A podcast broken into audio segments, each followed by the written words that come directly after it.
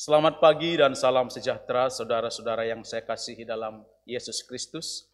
Selamat datang dalam kebaktian online GKI Sarua Indah.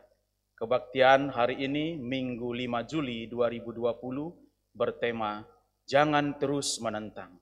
Kebaktian dilayani oleh Pendeta Keise L. Supit Tambunan dari Gereja Masehi Injili di Minahasa. Majelis Jemaat GKI Sarua Indah mengucapkan selamat beribadah. Tuhan Yesus memberkati.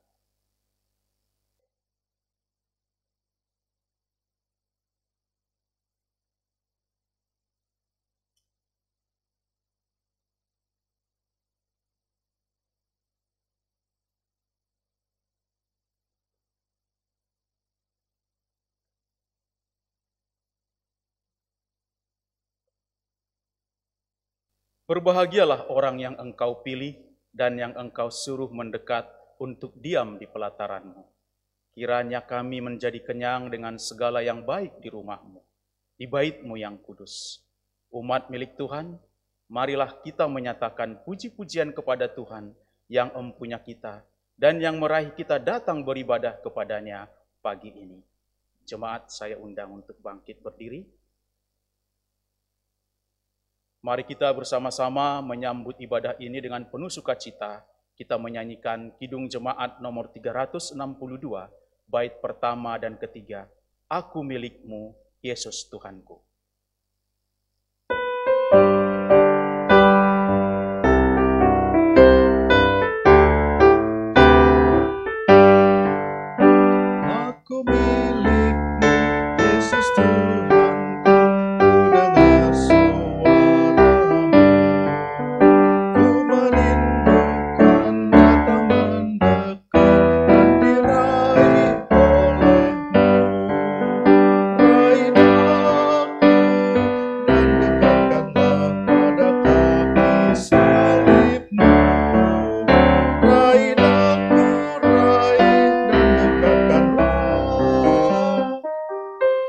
esse sim.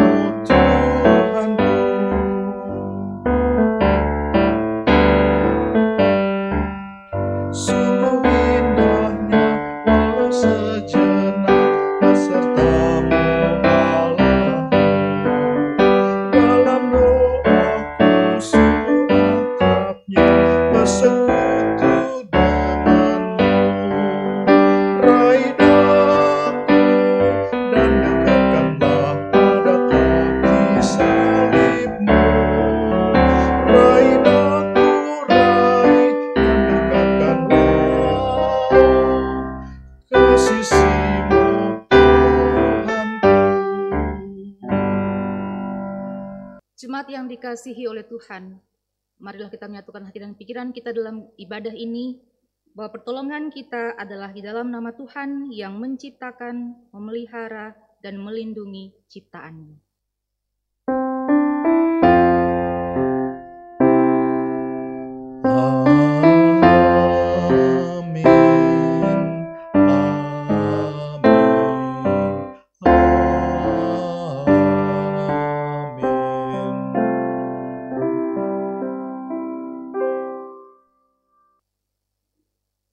Kasih karunia dan damai sejahtera dari Allah Bapa kita dan dari Tuhan Yesus Kristus menyertai saudara sekalian. Dan beserta saudara juga. Jemaat dipersilakan untuk duduk. Saudara, tidakkah kita kesal melihat orang yang menerobos lampu merah dan yang tidak memperdulikan tertib lalu lintas? Tidakkah kita juga kesal pada pihak yang selalu menentang kebijakan pemerintah? Sekalipun kebijakan itu untuk kebaikan bersama? Tidakkah kita kesal melihat orang-orang yang mengabaikan protokol pencegahan penyebaran COVID-19, bahkan mengambil paksa jenazah penderita COVID-19? Begitulah mungkin kekesalan Allah melihat umatnya yang terus-menerus menentang, tidak memperdulikan, tidak melakukan perintah, dan menjauhi larangan firman-Nya kita mungkin tidak menentang, tetapi apakah kita adalah pelaku firman? Ataukah kita telah berupaya, tetapi tubuh fana dan keinginan duniawi masih menjerat kita ke dalam dosa? mari kita merenung sejenak, memeriksa diri sendiri, mengakui dosa dan pelanggaran, dan memohon belas pengampunannya. Jemaat dipersilahkan berdoa terlebih dahulu secara pribadi. Saya akan menutupnya dengan doa pengakuan.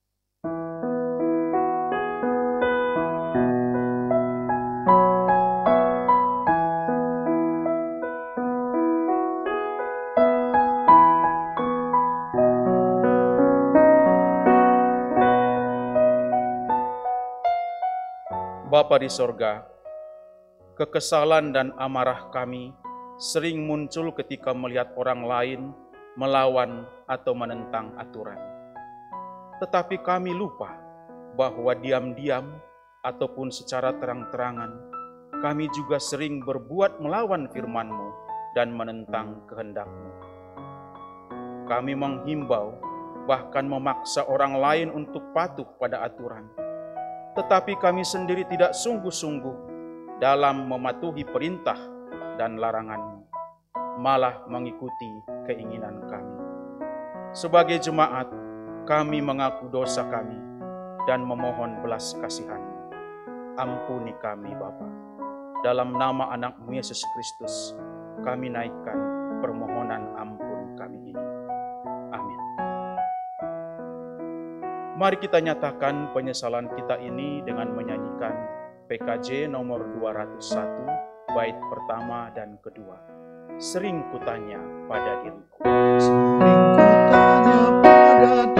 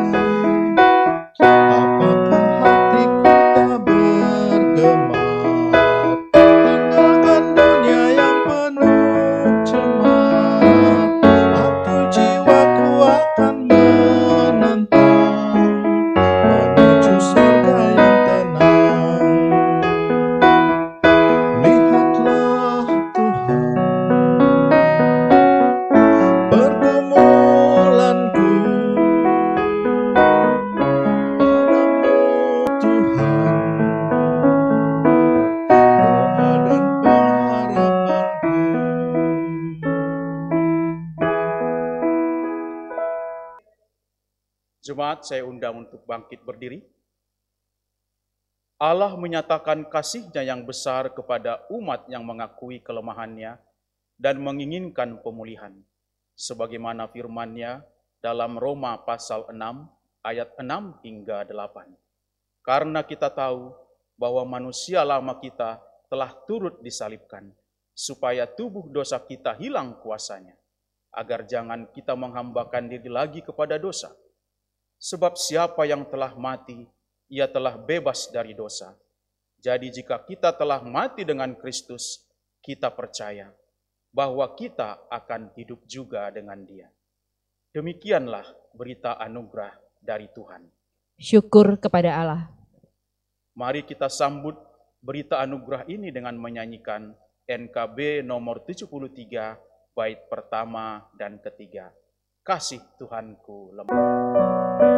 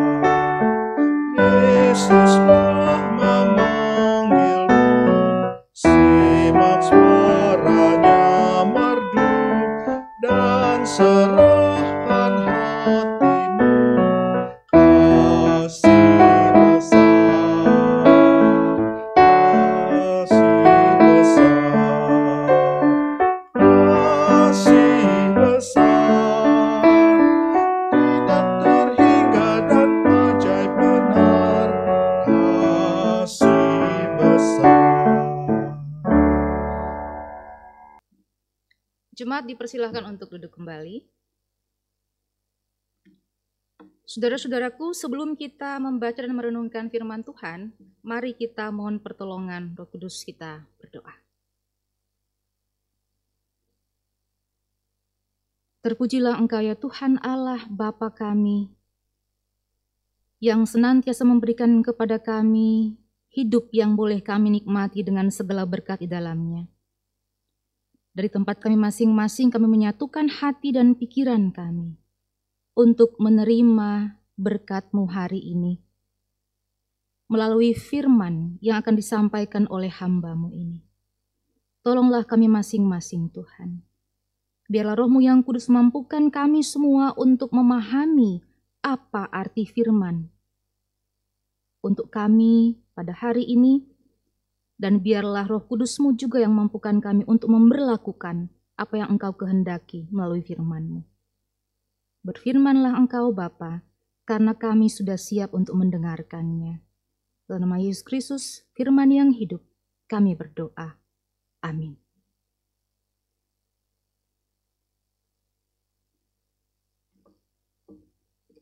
Saudara-saudaraku, pembacaan Injil Yesus Kristus pada hari ini diambil dari Injil Matius pasal 11 ayat 16 sampai 19 dan dilanjutkan dengan ayat 25 sampai 30.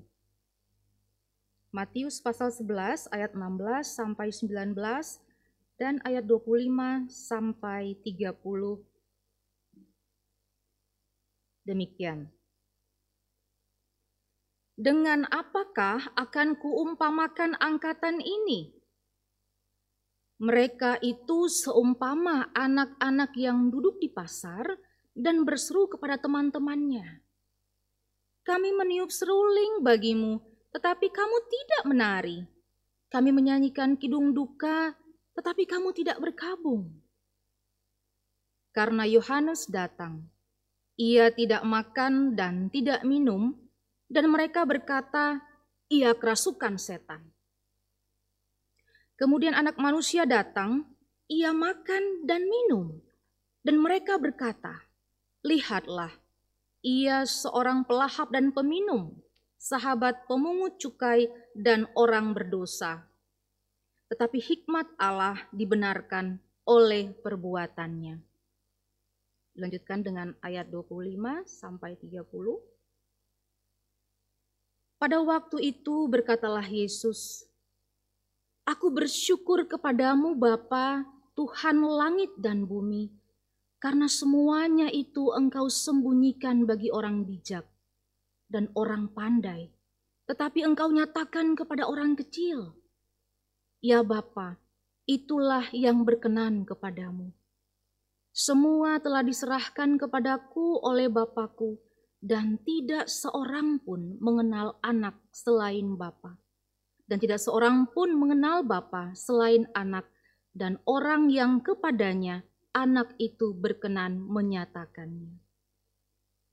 Marilah kepadaku semua yang letih lesu dan berbeban berat, aku akan memberi kelegaan kepadamu. Pikulah kuk yang kupasang dan belajarlah padaku, karena aku lemah lembut dan rendah hati, dan jiwamu akan mendapat ketenangan. Sebab kuk yang kupasang itu enak, dan bebanku pun ringan. Demikianlah saudara-saudaraku, Injil Kristus, berbahagialah mereka yang mendengarkan firman Allah dan yang memeliharanya di dalam kehidupan sehari-hari. Haleluya.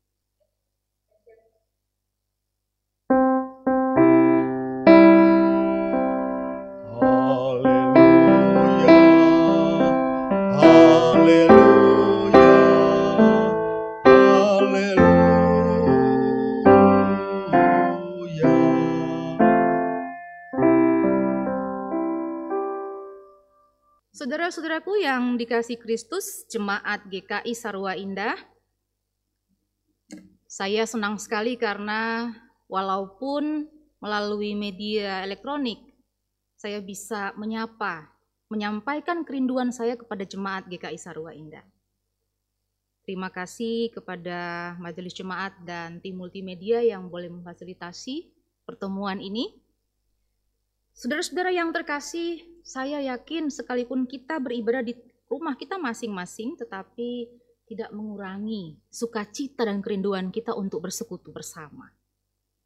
Hari ini, di minggu ini, kita bersama menghadapi satu tema, yaitu jangan terus menentang. Dari tema ini saja, kita sudah bisa membayangkan apa yang mau disampaikan lewat bacaan kita pada saat ini. Saudara-saudara jemaat, penentangan atau penolakan itu rupanya terjadi sudah dari zaman Yesus. Bahkan sampai sekarang, penentangan dan penolakan itu masih saja terjadi. Penentangan atau penolakan biasanya terjadi karena adanya satu ketakutan terhadap sesuatu yang dianggap mengancam diri seseorang atau membahayakan dirinya. Orang-orang Yahudi pada saat itu sebenarnya hidup dalam situasi yang serba tertekan. Mereka harus melakukan peraturan-peraturan keagamaan mereka yang luar biasa banyaknya setiap hari. Peraturan keagamaan yang memang diatur, dibuat oleh para pemimpin agama yang dianggap secara ideal menggambarkan bagaimana kehidupan yang sesungguhnya berkenan di hadapan Allah. Tetapi kemudian peraturan-peraturan tersebut juga menjadi semacam tekanan karena begitu sulit untuk melakukannya. Apalagi terasa lebih tidak adil lagi karena para pembuat peraturan itu juga tidak bisa sungguh-sungguh menaati atau melakukan aturan-aturan yang sudah mereka buat. Ditambah lagi, mereka harus hidup di dalam situasi pemerintahan, kekuasaan, atau kekaisaran Romawi pada waktu itu. Tidak boleh salah untuk bertindak, dan mereka harus bekerja keras demi kemewahan hidup dari orang-orang atau golongan bangsawan atau elit pada waktu itu. Sangat tersiksa. Susah, berat beban hidup mereka pada waktu itu. Yohanes Pembaptis dan Yesus, Yesus Kristus sesungguhnya hadir untuk menawarkan bentuk kehidupan yang lain yang membebaskan mereka dari segala tekanan yang sedang mereka rasakan pada saat itu. Di awal pasal 11 ini, murid Yohanes Pembaptis itu bertanya kepada Yesus. Kalau kita membacanya di bagian awal, engkaukah yang akan datang itu atau haruskah kami menantikan orang lain? Yohanes yang sebetulnya mengenal siapa Yesus itu bisa merasakan kegalauan juga atau keraguan. Yohanes harus menanyakan. Dia yang mengumandangkan penghukuman Allah, memberikan peringatan kepada umat, akhirnya harus dipenjara karena suaranya sehingga ia memerlukan satu kepastian. Meyakinkan dia kembali, membuat dia bersemangat. Sedangkan dia masih meringkuk dalam penderitaan, dia dipenjara pada zaman Herodes. Lalu Yesus merespon para murid Yohanes itu supaya mereka menyampaikan apa yang mereka dengar dan mereka lihat yang sudah ia lakukan. Di mana kalau kita membaca di sini, yang buta melihat, yang lumpuh berjalan, yang kusam menjadi tahir, yang tuli bisa mendengar, yang mati dibangkitkan, yang miskin mendengarkan kabar baik yang membuat mereka kembali bersemangat. Jadi meskipun tidak seperti yang mungkin diharapkan oleh Yohanes Pembaptis, tetapi apa yang Yesus lakukan itu sesungguhnya sudah menjadi tanda menghadirkan kerajaan Allah di dunia ini. Yesus memberikan, menawarkan kehidupan yang baru, kelepasan yang baru yang membebaskan mereka dari tekanan hidup mereka. Berita yang diharapkan Yesus itu menguatkan Yohanes Pembaptis kita tahu bersama Yesus sendiri sangat menghormati Yohanes Pembaptis. Kalau Yesus bilang di sini Yohanes Pembaptis ini seorang yang tidak ada tandingnya. Kalau orang Ambon bilang sing ada lawang gitu ya. Nah, saudara-saudara yang terkasih, Yohanes Pembaptis dengan gaya yang gaya yang nyentrik dan belak-belakan, ia menyampaikan seruan untuk bertobat dan penghukuman bagi yang gagal melaksanakannya. Sedangkan Yesus sendiri hadir dalam sosok yang lebih lemah lembut, fleksibel, luas, supel, ramah, menawarkan dari sisi perubahan hidup yang lebih baik, mengubah cara pandang umat tentang kerajaan Allah yang selama ini mereka pahami. Tetapi sayangnya, baik Yohanes Pembaptis maupun Yesus Kristus, keduanya mengalami penolakan dan penentangan. Bukan terutama dari kalangan biasa, tetapi justru datang dari kaum terpelajar yang selama masa itu dianggap paling pintar dan bijak. Para ahli Taurat, orang-orang kaum intelektual yang terpelajar, orang-orang Farisi. Bagi mereka, Yohanes Pembaptis itu tidak lain dari seorang yang kerasukan setan. Sedangkan Yesus dianggap tidak berbeda dengan orang-orang berdosa. Karena apa? Karena Yesus juga bergaul dengan orang-orang yang justru tidak masuk dalam hitungan mereka. Orang-orang yang selama itu mereka anggap bukanlah termasuk kalangan yang terhormat. Seperti kalangan mereka lah. Nah, Bapak Ibu Saudara-saudara yang terkasih, yang menarik di sini adalah ketika Yesus mengatakan berbahagialah orang-orang yang menerima ajaran atau kerajaan Allah itu. Orang-orang yang bagaimana itu? Kalau di sini Yesus menunjuk kepada seorang yang kecil, seorang seperti seorang anak yang menerima sesuatu itu dengan begitu polos, tanpa berpikir terlalu jauh. Orang-orang yang mungkin kalangan yang dianggap tidak bijak atau penting yang secara spiritual lemah, yang mungkin dihina dan dicela, yang merasa ditolak oleh masyarakat pada waktu itu, yang justru sangat membutuhkan perhatian dan pertolongan.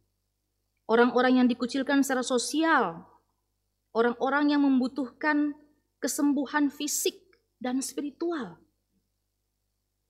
Undangan terbuka Yesus itu mengikuti doanya. Marilah kepadaku semua yang letih lesu dan berbeban berat. Aku akan memberikan kelegaan kepadamu. Kenapa Yesus mengatakan hal ini, saudara-saudara? Ya karena tadi yang saya sudah singgung di awal. Yesus menawarkan kelepasan dari sekedar melakukan atau melaksanakan hukum-hukum keagamaan yang sering kali tidak dimaknai lagi, menjadi rutinitas ritual belaka, tidak dipahami artinya apa atau esensinya. Yesus menginginkan supaya umat itu bisa menangkap esensi yang lebih utama dari kerajaan Allah, yaitu keadilan, belas kasihan, dan iman. Nah ternyata saudara-saudara konsep keagungan dunia ini sangat bertolak belakang dengan apa yang dalam kerajaan sorga. Karena rupanya menjadi terbesar dalam kerajaan sorga itu bukanlah mereka yang memiliki kuasa. Orang-orang yang dianggap pintar, orang-orang yang dihormati atau disegani, tapi justru adalah orang-orang yang bersedia memberi dirinya menjadi seorang hamba yang merendahkan hatinya kepada setiap orang yang dia temui. Saudara-saudaraku yang terkasih, Yesus menawarkan suatu kehidupan yang baru. Zaman kerajaan Allah. Karena itu, kuk yang ditawarkan oleh Yesus itu sebetulnya menggantikan kuk tekanan yang dirasakan selama ini oleh umat. Karena yang tadi, keadaan sosial mereka karena berada di bawah pemerintahan penguasa yang luar biasa sangat menindas mereka, lalu tekanan karena harus melakukan hukum-hukum agama, Yesus mengajak untuk melepaskan semuanya itu. Artinya apa? Sesungguhnya Yesus menawarkan sesuatu yang baru untuk belajar dari Yesus sendiri untuk melakukan apa yang akan membebaskan mereka dari tekanan yang mereka rasakan selama ini. Menerima kerajaan Allah yang mengandung keadilan, belas kasihan, empati dengan sesama, tidak membeda-bedakan semua orang, yang menerima semua orang siapa saja dengan tulus, dengan kasih yang sama tidak melihat latar belakang dia, dan lain sebagainya. Saudara-saudaraku, undangan Yesus ini bukanlah supaya kita hidup gampang-gampang saja. Tidak. Karena mengikuti Yesus juga penuh dengan resiko dan tantangan. Resiko dan tantangan itulah kuk yang kita pikul ia memanggil kita untuk hidup melayani dan dalam kerendahan hati melakukan pelayanan itu. Tetapi semua itu kita diajak untuk melakukannya dengan kebebasan dan sukacita, bukan dalam keterpaksaan atau merasa tertekan atau supaya kita mendapatkan pujian dari orang lain, supaya kita memenuhi standar pelayanan yang ideal yang diharapkan oleh banyak orang. Tidak.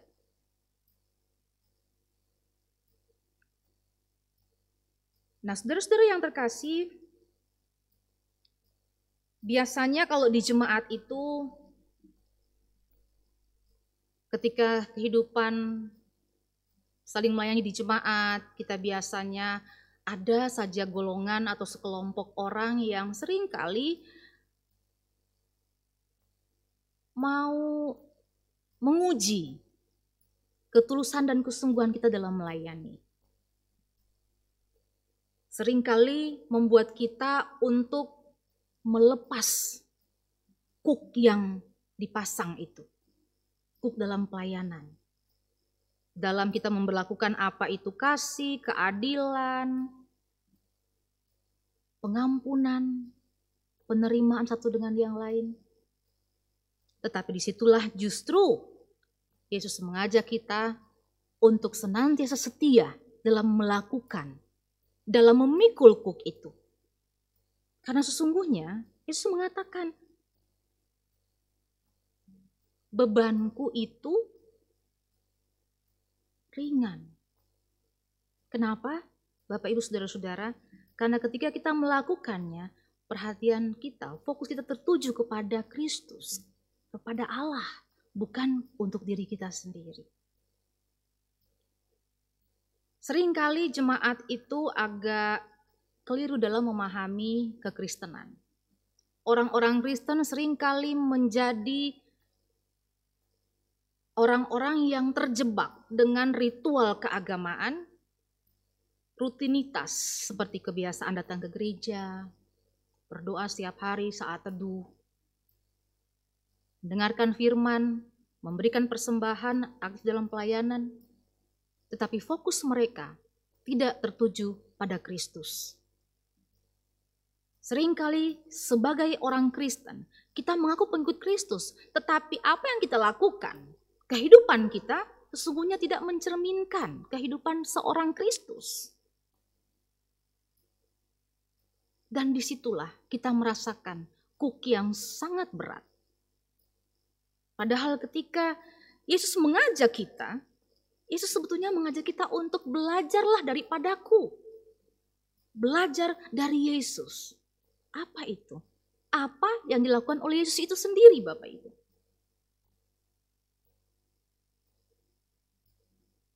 Saudara-saudara yang terkasih ada dua golongan. Ketika Yesus menawarkan kuk itu maka ada dua golongan yang meresponi undangan atau ajakan Yesus. Golongan yang pertama adalah biasanya orang-orang yang menerima. Orang-orang yang dengan sadar mereka mengambil bagian dalam kerajaan Allah bukan untuk satu syarat supaya mereka menerima sesuatu, atau supaya hidup mereka itu berkenan di hadapan Allah supaya mereka itu masuk surga, tapi mereka sadar betul bahwa sebagai pengikut Kristus mereka terkagum-kagum dengan Kristus dan hidupnya dan karena itu mereka juga mau berlaku seperti Kristus. Sehingga kita melihat pelayanan mereka juga adalah pelayanan yang sungguh-sungguh bisa terasa di dalam mereka merespon orang lain, dalam mereka menyambut orang-orang. Ketika ada orang yang berdekatan dengannya, maka energi itu terasa sekali. Energi yang bersahabat, yang hangat, yang selalu merangkul, menerima apa adanya.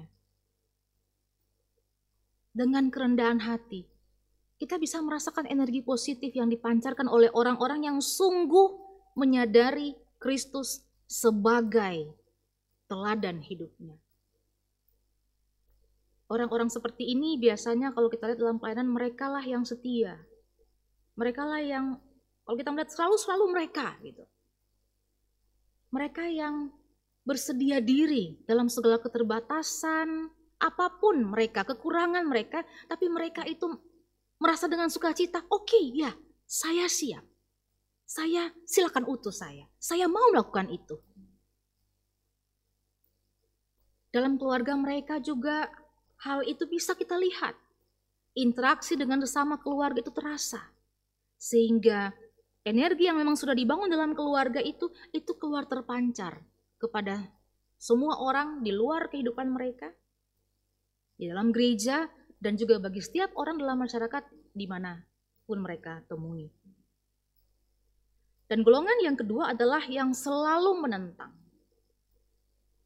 orang-orang yang masih sibuk dengan segala macam aturan gereja, orang-orang yang masih sibuk berdebat soal dogma, doktrin, ajaran, teologi, dan sebagainya.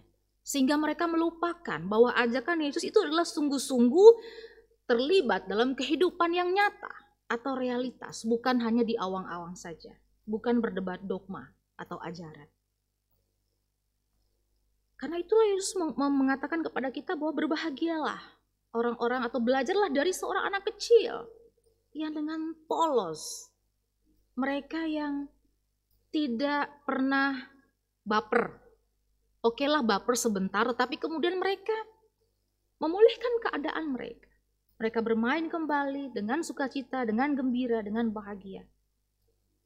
Yesus mau mengajak kita untuk memahami bahwa kerajaan Allah adalah hal-hal yang praktis, sederhana, yang hanya menuntut kerendahan hati kita untuk senantiasa belajar dari Yesus. Belajar saudara-saudara. Proses belajar itu sering kali menyakitkan. Karena apa? Karena harus berperang dengan ego kita. Saudara-saudara yang terkasih, bukannya saya mencukuri ya pandemi ini, tetapi di balik semua keadaan ini saya sungguhnya bersyukur karena Tuhan memberikan kepada kita kesempatan untuk mensyukuri keluarga kita. Ketika kita tidak boleh ke mana-mana, ketika ada pelarangan untuk diam di rumah, maka itu waktu dan kesempatan yang baik sekali sesungguhnya bagi kita untuk menikmati, hey ini orang-orang, keluarga saya, komunitas terkecil dari orang-orang yang percaya kepada Allah. Tempat di mana kita mempraktekkan keadilan, kasih, pengampunan, solidaritas. Kerajaan Allah itu sendiri. Yang mungkin selama ini, sebelum pandemi ini, mungkin juga kita hindari karena tugas dan tanggung jawab kita yang harus memenuhi kebutuhan hidup keluarga kita, maka mereka sesungguhnya itu menjadi bagian yang kita lupakan, walaupun setiap hari kita bertemu dengan mereka. Tetapi kali ini kita diberikan kesempatan untuk lebih menghayati lagi betapa berartinya mereka dalam kehidupan kita.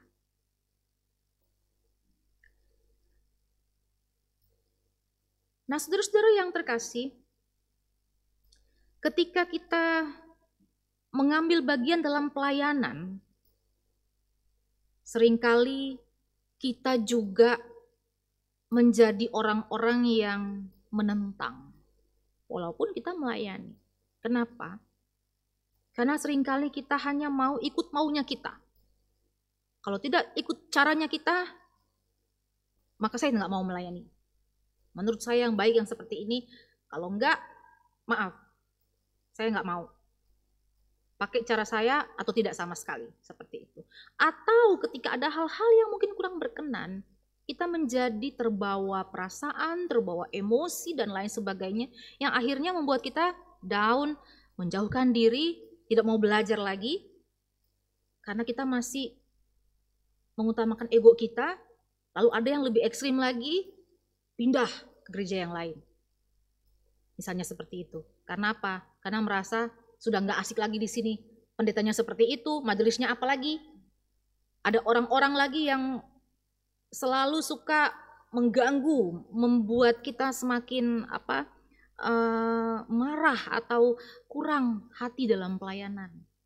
Mereka lupa di mana pun mereka berada, hal-hal seperti itu punya kemungkinan besar untuk terjadi atau mereka alami.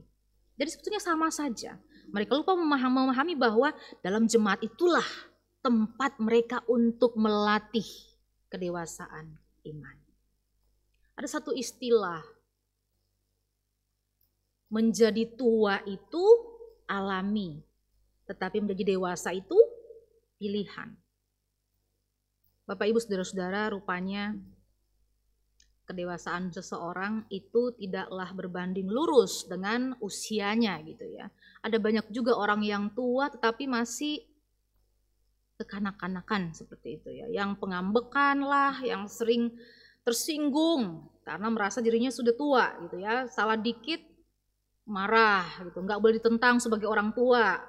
Apalagi tentangnya ada yang menunjukkan ketidaksukaan atau tidak setuju dari orang-orang yang lebih muda. Wah, merasa Nih, terancam harga diri saya sebagai orang tua. Dan itulah yang menghambat kedewasaan iman seseorang atau kedewasaan spiritual dari orang-orang yang percaya. Bapak Ibu Saudara-saudara, Mari kita belajar dari Yesus. Yesus yang sekalipun anak Allah, tapi merendahkan dirinya. Dia tidak menunjukkan kekuasaannya. Dia bisa saja memperlakukan kekuasaannya. Dia anak Allah, dia punya kuasa. Tetapi tidak. Yesus sungguh-sungguh mempraktekkan, menunjukkan bagaimana kerajaan Allah itu. Bagaimana ketika kerendahan hati kasih Allah itu akan menyelamatkan banyak orang. Yesus tidak terlalu sering melarang jangan begitu jangan begitu tapi ia menunjukkan begini caranya. Sehingga perbuatan Yesus itulah yang menjadi firman yang hidup di mana orang bisa melihat dan setiap orang yang melakukan tepat seperti yang Yesus lakukan, mereka sungguh-sungguh yang merasakan kelegaan itu sendiri atau kelepasan yang dimaksudkan oleh Yesus dalam bacaan kita ini. Kerajaan surga bukanlah satu ide, melainkan kenyataan yang diwujudkan lewat tindakan-tindakan praktis yang sederhana.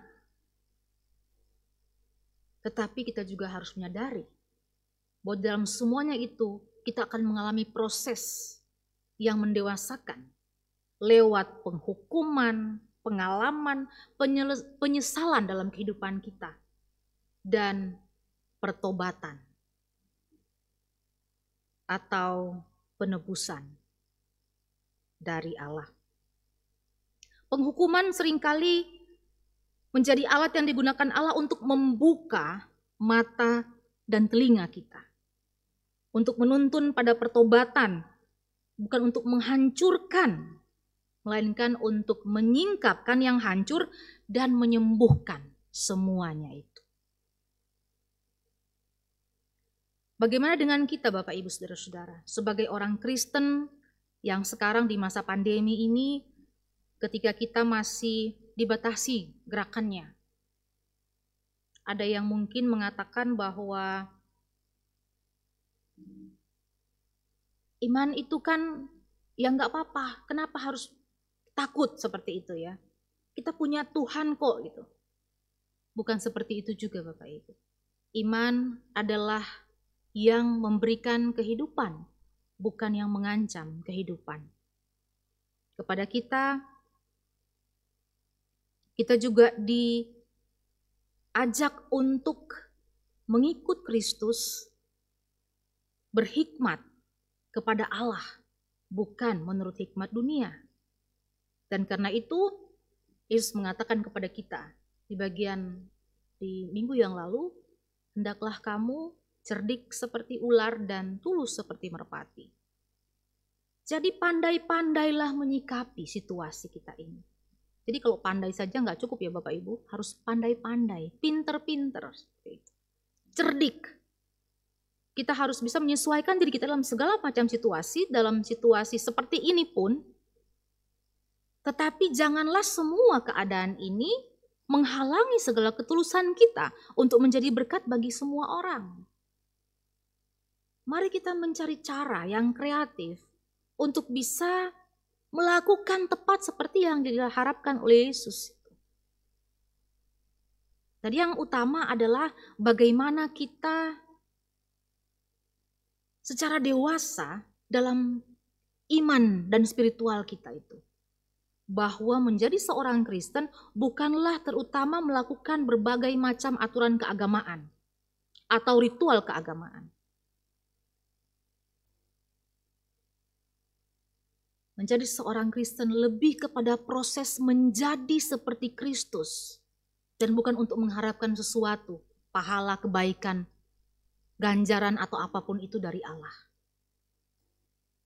Ketika kita mengharapkan sesuatu dalam melakukan hal-hal yang harusnya memang kita lakukan sebagaimana Kristus, maka kuk itu akan terasa berat bagi kita.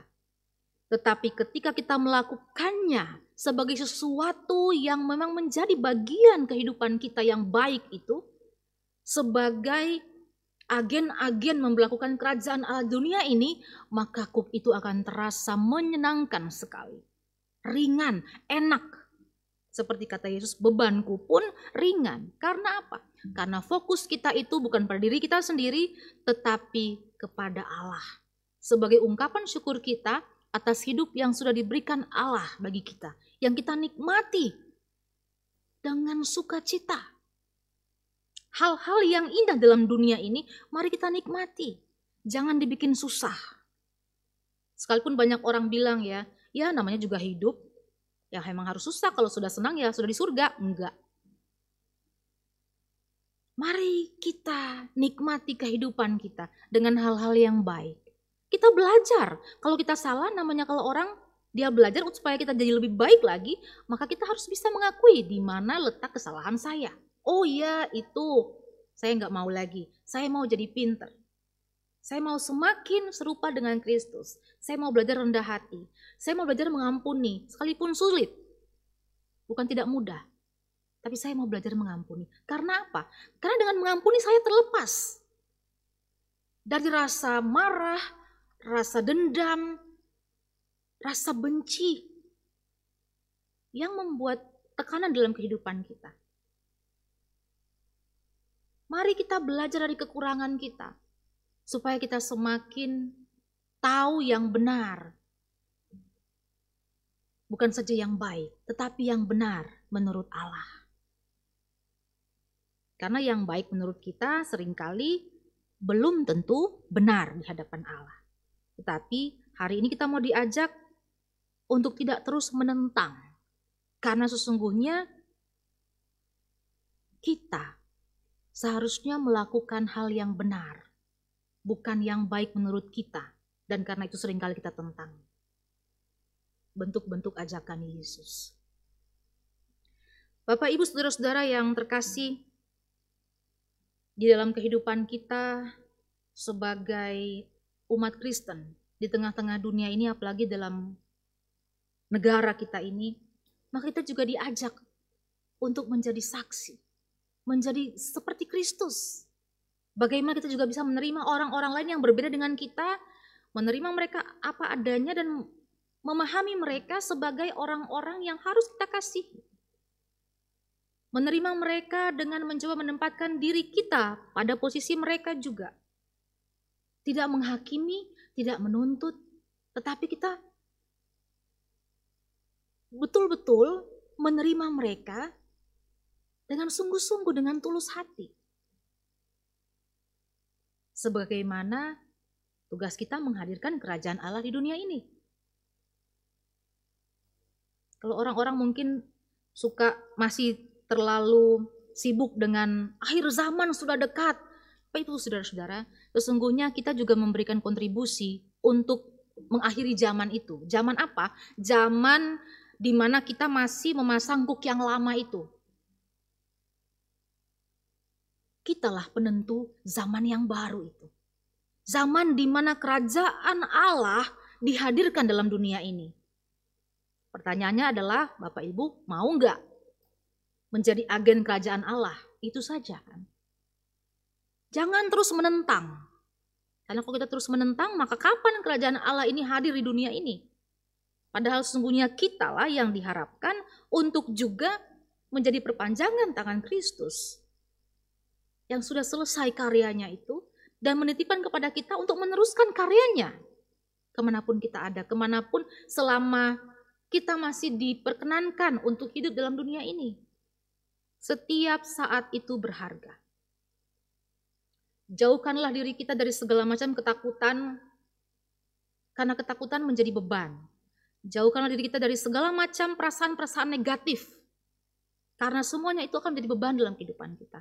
Tapi arahkanlah segala perhatian kita kepada hal-hal yang positif, yang membangun kehidupan kita. Dalam menghadirkan apa yang disebut kerajaan Allah di dunia ini. Tindakan itu berbicara jauh lebih nyaring daripada kata-kata itu sendiri. Karena itu Bapak Ibu kita diharapkan supaya kita menghadirkan atau menunjukkan buah dari pelayanan kita itu. Dengan setia, orang lain mungkin bisa bisa mengecam, bisa mengejek kita, bisa menilai kita dari satu sisi saja. tetapi mari kita ampuni mereka. Karena kalau mereka tahu apa yang mereka lakukan, mereka pasti malu. Mereka mungkin belum sampai pada pemahaman tentang kerajaan Allah seperti yang kita sudah pahami. Jadi tidak usah merasa kecil hati atau kita merasa marah atau kecewa atau terus terhambat dengan mereka. Tidak perlu. Marilah kita menunjukkan lebih dahulu. Karena kalau kita menunggu satu dengan yang lain, mengharapkan atau menuntut, sama dalam pembacaan kita ini seperti anak-anak di pasar. Yang memainkan lakon dan mereka tunggu-tungguan akhirnya apa? Semua lakon tidak terlaksana banyak di antara kita yang karena menuntut satu dengan yang lain sehingga pekerjaan pelayanan juga terabaikan. Bapak Ibu Saudara-saudara pada saat ini Yesus Kristus menawarkan kepada kita terus-menerus tentang sebuah kehidupan yang melegakan. Marilah Bapak Ibu, Pilihannya sudah ada. Tinggal bagaimana kita merespon semuanya. Apakah kita menerima atau kita terus menentang itu? Konsekuensinya sudah jelas. Ketika kita menerima ajakan Yesus sebagai juru selamat itu, maka hidup kita akan terasa lebih ringan beban hidupnya kita akan merasakan kelegaan luar biasa yang selama ini mungkin belum pernah kita rasakan atau belum sungguh-sungguh kita rasakan. Karena masih ada hal-hal yang menghambat semuanya itu. Silakan Bapak Ibu pilih untuk hidup dalam kelepasan atau hidup dalam penindasan karena kita sendiri, bukan karena situasi. Karena situasi tidak bisa disalahkan. Penentu kebahagiaan hidup adalah kita sendiri, bukan situasi. Situasi bisa menindas, bisa buruk, terburuk sekalipun, tetapi yang menentukan kebahagiaan atau kelepasan itu sendiri adalah kita. Karena Yesus sudah mengatakan hal itu kepada kita. Kalau kita mau, maka sudah pasti kita akan lega. Kalau tidak mau, ya sudah. Yesus tidak pernah memaksa kita, tetapi Yesus menawarkan itu kepada kita. Seolah-olah ia mau memberikan tangannya, mau digenggam enggak? Untuk bersama-sama mewujudkan kerajaan Allah itu. Selamat mengikut Kristus, saudara-saudara, tidak saja menjadi seorang Kristen, tetapi memiliki karakter Kristus dalam diri kita masing-masing. Amin untuk firman Tuhan.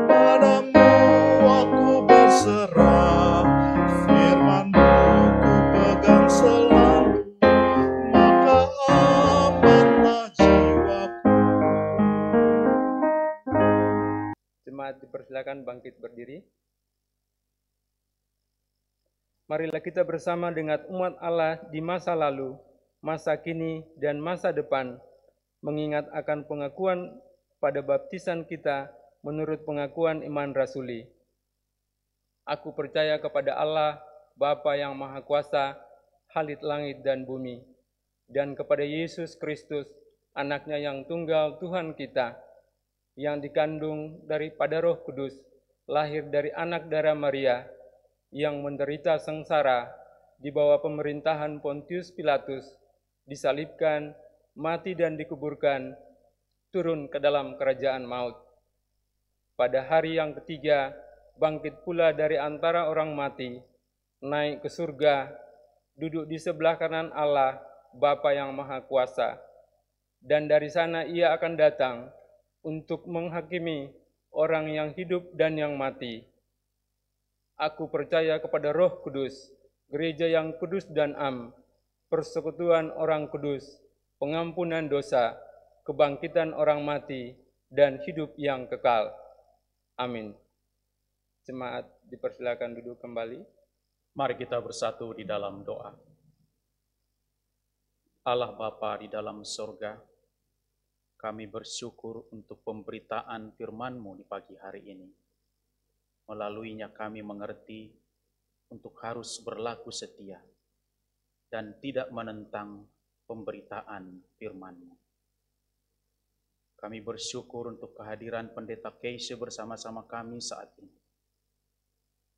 Berkati pendeta Keisha ya Bapak, di dalam pelayanannya. Baik di tengah-tengah jemaat, di komunitas di mana pun dia berada, maupun di tengah-tengah keluarga. Pakai terus hidupnya untuk menyatakan kemuliaan namamu.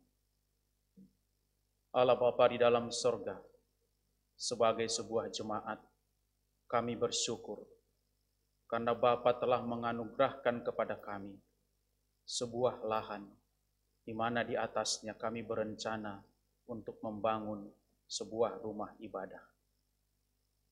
Namun hingga saat ini kami belum memiliki izin pemanfaatan lahan dari pemerintah kota Tangerang Selatan untuk dapat menggunakannya. Bapa di dalam sorga, kami tidak henti-hentinya berseru memohon kepadamu ya Bapa, agar engkau menggerakkan hati semua pihak, para pembuat keputusan, untuk dapat pada waktu Tuhan nantinya, kami mendapatkan izin pemanfaatan lahan itu. Bapa, inilah permohonan kami. Berkenanlah untuk mendengarnya.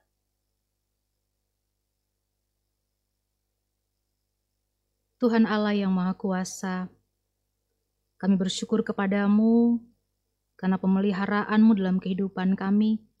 Kami berdoa untuk jemaatmu di GKI Sarua Indah ini. Dari para majelis jemaat, pendeta yang melayani, komisi pelayanan, karyawan, multimedia, dan semua yang memberi diri dalam pelayanan bagi jemaatmu di tempat ini. Engkau memelihara mereka, Bapa. Biarlah dalam masa-masa yang sulit ini selama pandemi, mereka boleh memberi diri mereka dengan tulus untuk menunjang segala program pelayanan yang sudah dirancangkan oleh majelis jemaat. Mereka boleh tolong menolong satu sama lain. Jauhkanlah dari mereka perasaan-perasaan yang memberikan energi negatif dalam pelayanan ini. Tapi biarlah mereka menghadirkan energi-energi positif supaya semakin banyak orang, baik dari jemaat maupun di luar jemaat, yang merasakan bagaimana Tuhan memberkati kehidupan mereka dalam masa-masa sulit sekalipun. Di tengah-tengah persekutuan ini Tuhan, kami juga membawa pergumulan saudara-saudara kami yang sakit dan dalam masa pemulihan kondisi fisik mereka. Kami berdoa untuk Ibu Gustina Pasaribu Boru Marpaung, Ibu Mami Palon, Ibu Sarah Jaya Sumadi, Ibu Hana Penjahitan, Ibu Yulia Kristianti, Ibu Virginia Samantha Sapang, Bapak Christian Hutagalung, Ibu Nike Elizabeth Buki, Bapak Yonata Daeli, Ibu Maria Magdalena, Bapak Wahyu Hidayat, ayah dari saudara Christian Dewantara, Ibu Yohana Triani, ibu dari saudara Christian Dewantara, Bapak Elisahia, Bapak Pendeta Dr. Thomas Kartomo, Master Teologi, Bapak Ramlan Siusiagian, dan Ibu Suratini. Tuhan Allah, biarlah dalam pergumulan mereka, mereka terus mengalami kesukacitaan karena mengandalkan Tuhan. Biarlah mereka juga boleh Tuhan pakai untuk menjadi saksi bagi kami bahwa pertolongan Tuhan senantiasa mereka rasakan. Lewat saudara-saudara mereka, lewat teman-teman, keluarga yang mendampingi, bahkan tim medis yang memberikan, yang menjadi saluran penyembuhan dari Tuhan sendiri kepada mereka. Kami juga berdoa bersama dengan saudara-saudara kami yang bersuka cita atas hidup yang baru yang Tuhan masih perkenankan mereka alami bersama Ibu Nana Diana, Saudari Claudita Veronica, Saudara Kevin Robi Sipahutar. Biarlah kiranya Tuhan, mereka boleh sungguh-sungguh memberi arti dalam kehidupan mereka yang baru, supaya hidup mereka sungguh-sungguh bermakna dan merupakan pengalaman spiritual yang dewasa di dalam iman mereka, supaya mereka juga boleh memperlihatkan keteguhan iman mereka itu menjadi pembelajaran dan kesaksian bagi orang-orang yang lain. Tuhan kami juga mau berdoa untuk keluarga kami masing-masing di dalam segala pergumulan, ketika kami harus memenuhi kebutuhan hidup di masa-masa sulit ini, Tuhan jangan biarkan semua kesulitan ini menghalangi sukacita kami. Tetapi biarlah kami menemukan sukacita-sukacita yang praktis, yang sederhana, ucapan syukur lewat hal-hal yang kecil, yang semuanya membangun spiritualitas kami menjadi semakin dewasa. Biarlah kami boleh menikmati waktu-waktu ini bersama keluarga yang kami kasihi kami boleh memperlakukan kasih, keadilan, perdamaian, pengampunan kepada keluarga masing-masing, sehingga kekuatan kasih itu pula yang boleh kami bawa keluar ke mana pun kami pergi. Biarlah apa yang boleh kami lakukan itu dalam kasih dan ketaatan kepadamu, itu juga menjadi kekuatan yang kami berikan kepada orang-orang yang kami temui di mana pun itu. Kami juga mendoakan pemerintah bangsa dan negara kami, khususnya kepada Bapak Presiden kami, Joko Widodo. Tuhan, kami menyadari betapa sulitnya kami harus mengatur kehidupan keluarga kami, dan biarlah semuanya itu membuat kami berada dalam solidaritas dengan pemerintah kami. Betapa sulitnya mengatur kehidupan suatu bangsa dan negara. Karena itu Bapak, ajarlah kami untuk terus mendukung pemerintah kami. Jauhkanlah kami dari rasa mengkritisi terus-menerus dan menentang segala kebijakan, tapi ajarlah kami juga untuk menghargai kerja keras mereka. Untuk setia dalam mengikuti semua aturan yang mereka sudah buat. Dan mencari cara-cara yang kreatif untuk menunjukkan dukungan kami secara positif kepada pemerintah kami. Kami bersyukur juga Tuhan atas keberhasilan yang boleh diraih oleh anak-anak kami dalam studi dan pekerjaan mereka. Kami bersyukur dengan anak-anak kami yang boleh lulus, boleh naik kelas. Mereka yang merasakan keberhasilan itu di tengah-tengah masa sulit ini Tuhan. Itulah kesaksian kami bahwa Tuhan tidak pernah meninggalkan kehidupan kami. Dan karena itu Bapak, kami mau menyerahkan kehidupan kami sepenuhnya hanya ke dalam tangan Tuhan. Dalam nama Tuhan Yesus Kristus yang sudah mengajar kami berdoa yang akan kami daraskan bersama-sama. Bapa kami yang ada di sorga, dikudus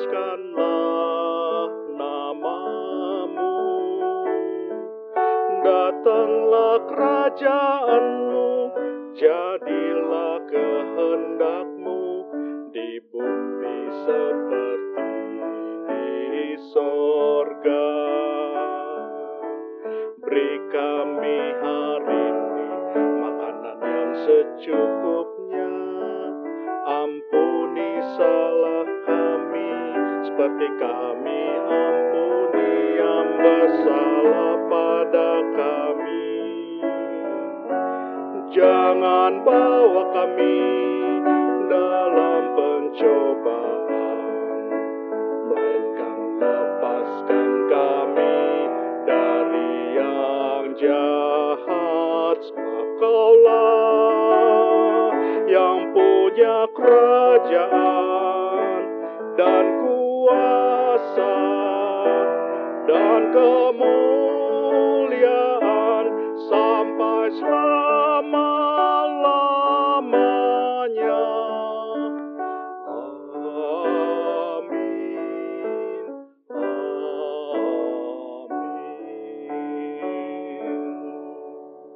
jemaatnya, seraya mengingat firman-Nya dalam 2 Korintus 8 ayat 7 sampai ayat 9.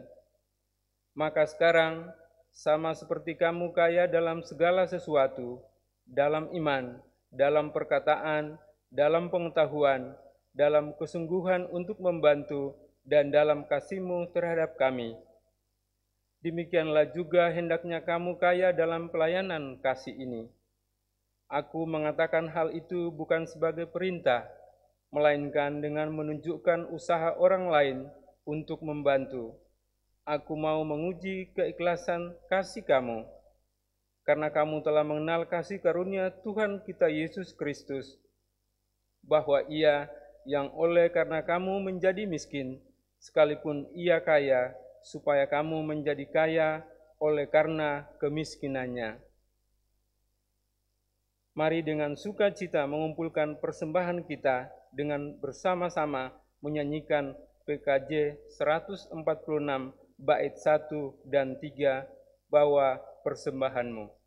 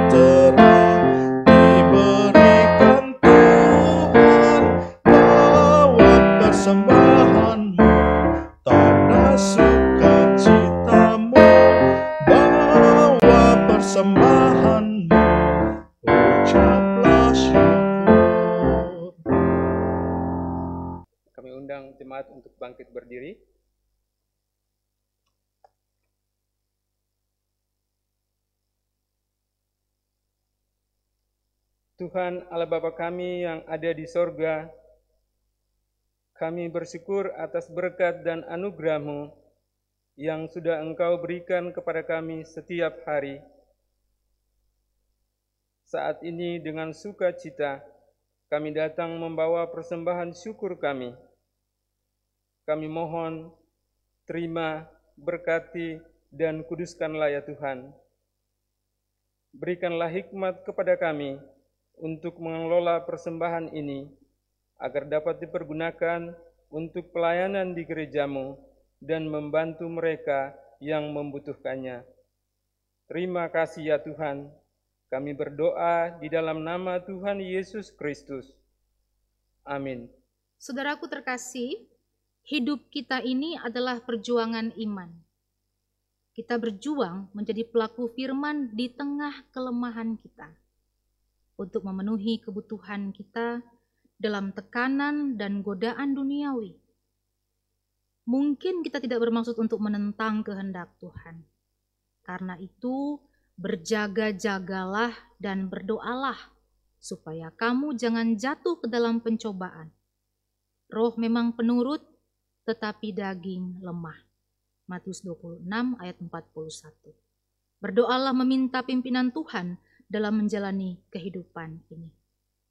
Mari kita lakukan nyanyian umat, Kidung Jumat 413 ayat 1 dan 3, Tuhan pimpin anakmu.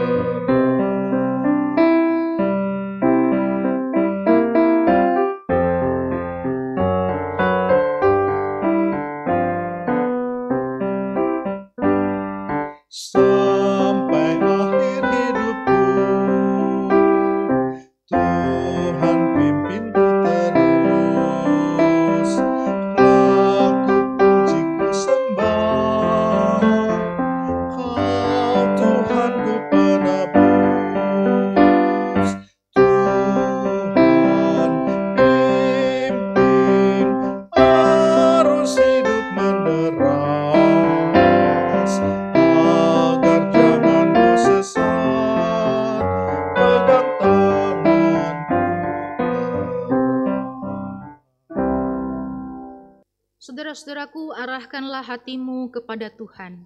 Kami mengarahkan hati kepada Tuhan. Jadilah saksi Kristus. Syukur kepada Allah, Terpujilah Tuhan. kini dan selamanya. Saudara-saudaraku, terimalah berkat Tuhan. Tuhan memberkati engkau dan melindungi engkau.